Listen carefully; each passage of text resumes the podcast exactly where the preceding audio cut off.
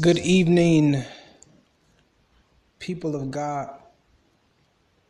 This is David Clark representing God's children. I am God's child. I hope all is well with each of you and that your day is productive. Your day is manifesting the greater things in which you want in life. Um, for a brief moment, um, I want to share with you um, this particular passage of scripture I have been reading um, for a devotional coming from Isaiah chapter 40, verses 30 and 31.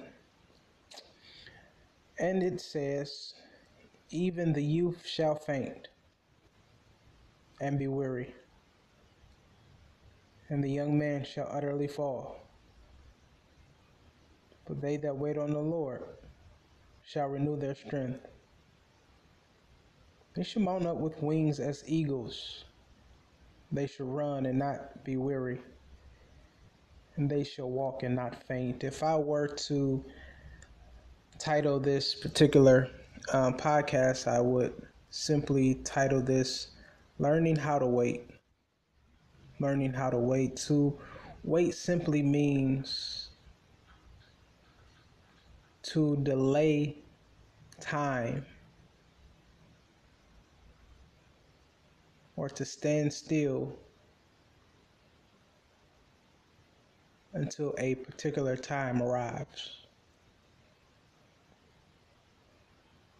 So often um, we go through life pondering when shall we make a move? When should i leave? How long should i stay? Is it my time? Should i apply for this job Should I marry this woman? Should I date this guy? These are all ultimatums, if you will, that plague our existence while we are on this journey. This is a very important significant, valuable scripture because if, uh, you read at the beginning, it says, Even the youth shall faint and be weary. A lot of times, as young, when you're young, I'm currently a young man and um, just 28 years old, and oftentimes I have to remind myself that I'm still young um, because I try to tell myself I'm old, I got an old spirit. But as I look back, even back 10 years ago when I was 18 in high school and had a lot of energy and uh, was able to do a lot of things, it seems like I never got tired, always um, had enough energy to do whatever it was that I wanted to do. Um, but even as I, I am older now, 28 years old, I can feel this scripture as it says, even the youth shall faint and be weary, that oftentimes we find ourselves, or I find myself in particular, getting weary at times, and physically and spiritually. And when you try, when you're in your twenties, you're trying to figure life out, and you're trying to um, figure out what your call, what's your purpose. You're trying to find, you're trying to identify who you are as a man, as a woman.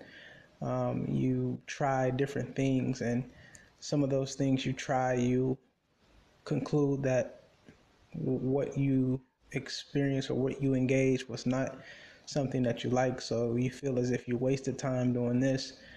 um, and then you try something else that may not have been necessarily the thing that fits you. You then say you've wasted time doing that, then you finally walk into get good at what you think you were called at doing. And but this, these things cause us to get weary. Causes you to grow faint. Like a sprinter running a marathon. You run this race. I want to compare your journey as as a race. Well, not as a race, but a marathon. Because you got to understand, you continue to race. It's not about who gets to the finish line the fastest. It's not about you beating someone's time. It's not about that if it's about you running your speed, your pace and getting to the finish line in your speed and your time and but as a reminder i want to let you know that in your youthful days you will get faint you will get weary you will grow tiresome because life is tedious and the hand in which each of us are dealt uh, a lot of things happen throughout life traumatic experience arises and um, just maturing and building relationships and losing relationships. All of these things cause us um, to grow weary because we're so young. We think we can do everything. We think we can have a lot of friends. We think we can go a lot of places and get involved in every um, every event or every um, club. I remember, you know, knew people who back in high school they were a part of every club, the Glee Club, the the choir. They were a part of JROTC. They were a part of basketball, football. You know, all these different things. I mean, when you're young, you try to do everything because when you're young, you're trying to figure out who you are, what you really want to do, and some of that is acceptance. You're trying to figure out where you actually fit in. And that speaks to us in life where we try to fit in in different things before we actually walk into who we are as individuals. And I just want to encourage each of you that it's okay to get weary. It's okay to fall at times. But this this journey, this this life, it's not about falling. It's not about failing. Although you need to fall sometimes, you need to fail um, because there's something special that happens when you fail when you get weary, it's it's a strength grows in you that causes you to learn and, and to mount up and to grow in and you discover different things about yourself when you go through a season of failing and falling and getting weary. It's a life is about building up endurance I like to oftentimes reflect um, my journey in the gym and that I used to get on the elliptical machine. And I remember when I first started doing the elliptical machine, it was tough for me to do 10 minutes. I remember that 10 minutes felt like hell.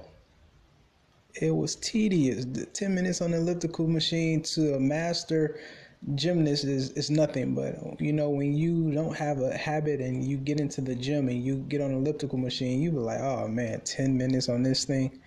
But then you know you work at it kept going sweat got tired stop come back the next day or the day after try to go every other day get back on the elliptical machine do 10 minutes again the next time it was still tough it was hard you do it for about a week your body starts to get used to it and you start to build up stamina you start to build up endurance and a strength in you that you didn't know you had but it continued to grow as you continue to engage this uh, foreign activity. So i kept getting on the elliptical machine. By the next week i turned 10 to 15 and you know 15 turned into 20 and the next thing you know i left off doing 45 minutes on the elliptical machine which was progress And that's what life is. Life is about progress. It's about losing. It's about getting tired. It's about falling because, like I said earlier, when you fall,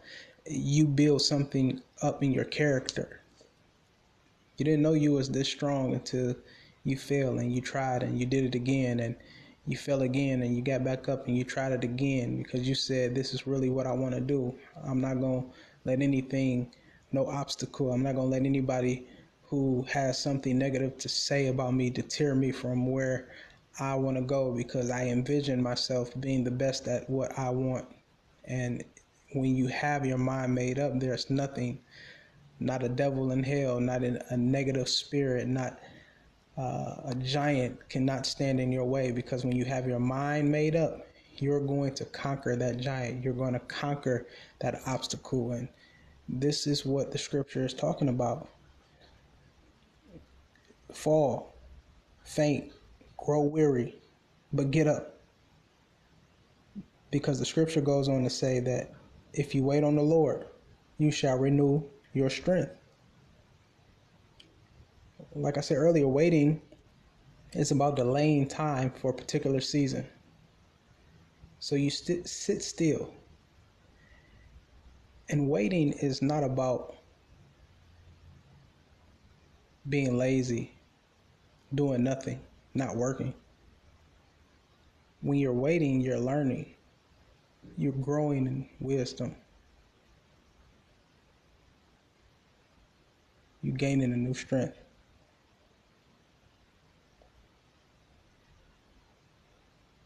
And while you're in the waiting season, you're looking around. You're learning, you're observing, you're asking questions you're inquiring about things that are to come. When I look at the story of uh, Jesus Christ, if you would look in the Gospel of Luke,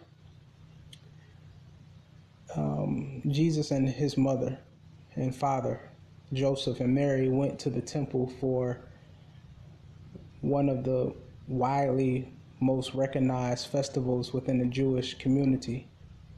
They went for the Passover.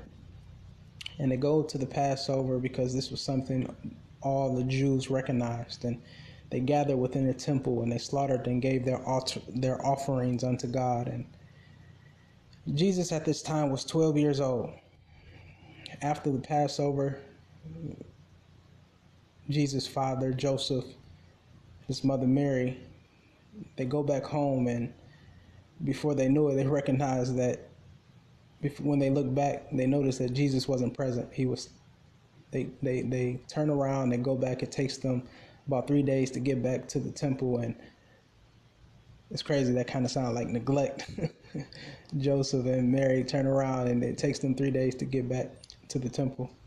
So they go to the temple, and they get back into the get into the temple to see Jesus, 12 years old, asking um, the lawyers and questioning, inquiring questions of uh, who are the keepers of the kingdom, and, and and and this is what he was doing in the temple. So I said all that to say this: when they take Jesus back home, if you follow Scripture, you do not hear about Jesus for an additional 18 years you you're introduced to baby Jesus. You see Jesus at 12 years old, but then there is a period where you do not hear from Jesus. He and he when he shows back up to do ministry, he's 30 years of age. Because that 18 years Jesus is learning. Most some scholars say he took trips to different countries to learn and to learn of their culture and to gain knowledge and to be a student um, because when it came time for him to be active in ministry, when it came time for him to be the teacher, he used all the tools and things that he um, acquired within that 18 year period so that he came out and he was able to be the teacher, the master in which others recognized him to be.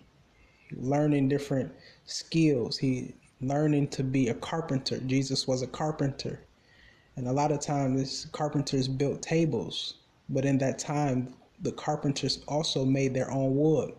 So he picked up some skills. In this life, when we are called, God calls each of us, we are going to get to our purpose, our destinies, our um, assignments. But there's a season of waiting.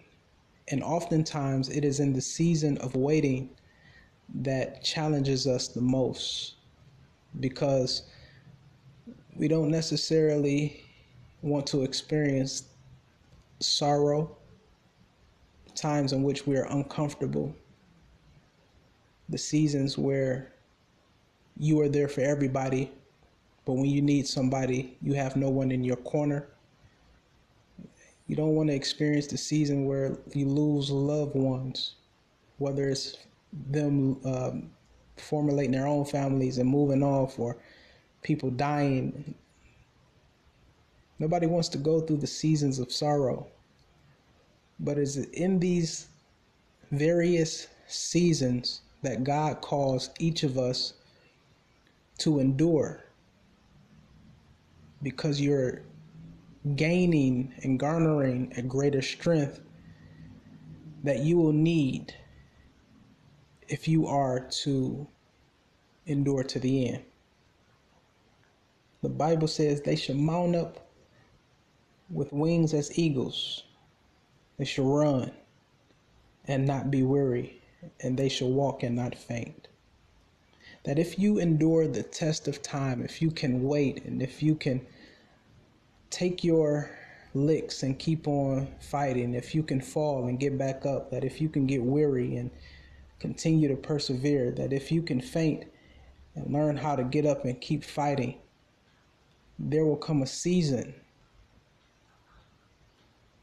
that you will know how to handle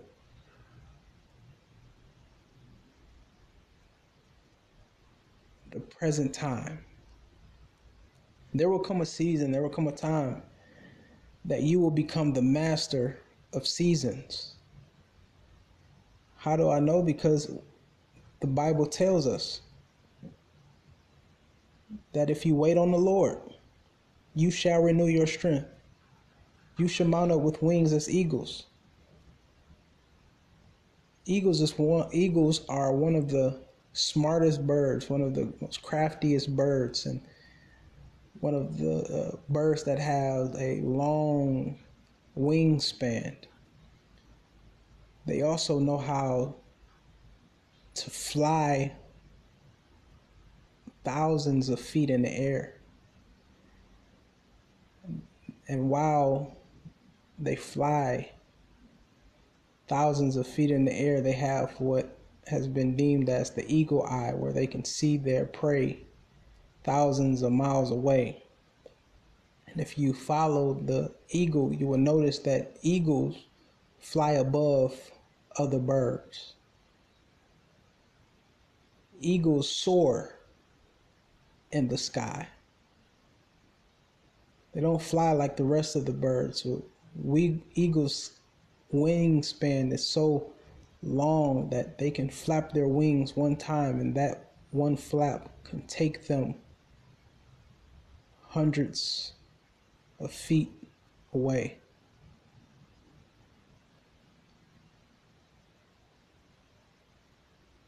God is perfecting you to become an eagle. God is building you up to become an eagle, skillful. You're able to see that in which that is in the distance. There's a phrase that says, work smarter, not harder. You don't get that overnight. You have to learn You have to endure. You have to grow in strength and in stamina so that you will become that eagle who can see danger ahead and see its prey thousands of miles away and that you don't have to flap and, and, and, and, and go and do as other birds, but you can fly in your own pace you will get to a point where when you run, you won't get weary. That analogy speaks volumes. That naturally you think that when you run, you're actually going to get tired. But when this is pretty much saying that when you run, you know how to run without maxing all of yourself out. And that's what the waiting season does. That when you wait, God is using you. When you wait, God is building you up. When you wait, you are learning how to gather yourself for the time of head. And you won't faint. All right, I stayed on a little bit longer than I expected, um, but I pray that something touched you. I pray that you learn from something in which I said and that you continue to tune in to this podcast. Once again, the scripture comes from Isaiah 40, verses 30 and 31. If you get a chance, read it in your own time. Uh, learn how to wait, endure, continue to persevere. Yes, you're going to get weak. Yes, you're going to fall. And yes, you're going to um, get weary at times. But the challenge is to get up, fight, stay the course, and watch God perfect you to become into your greater being. You will become great after this. Wait on the Lord and renew your strength. Go in love, go in peace.